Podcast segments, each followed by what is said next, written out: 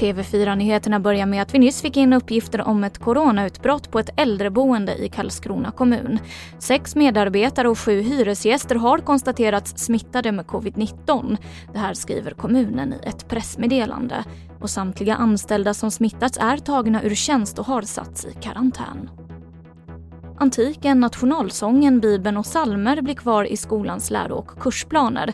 Det står nu klart när regeringen tagit beslut om Skolverkets förslag. Den stora förändringen blir istället att eleverna i låg och mellanstadiet ska fokusera mer på att lära sig fakta. Det blir mer betoning på fakta i yngre årskullar. Och sen i takt med att barn och elever växer och blir äldre och mognar och lär sig mer så blir det större och större krav på analyser. Vi har också minskat på innehållet i en hel del kurser utan att för den skull barnen ska behöva lära sig mindre. Det sa utbildningsminister Anna Ekström och mer om detta på tv4play.se. Och den psykiska ohälsan ökar på landets arbetsplatser. Sen maj sjukskrivs fler och det är också fler som frågar efter psykologiskt stöd och stödsamtal. Och nu varnar Företagshälsan för en liknande utveckling som efter finanskrisen 2008 med en markant och ihållande ökning av depressioner och oro. Och det var det senaste från TV4 Nyheterna. Jag heter Emily Olsson.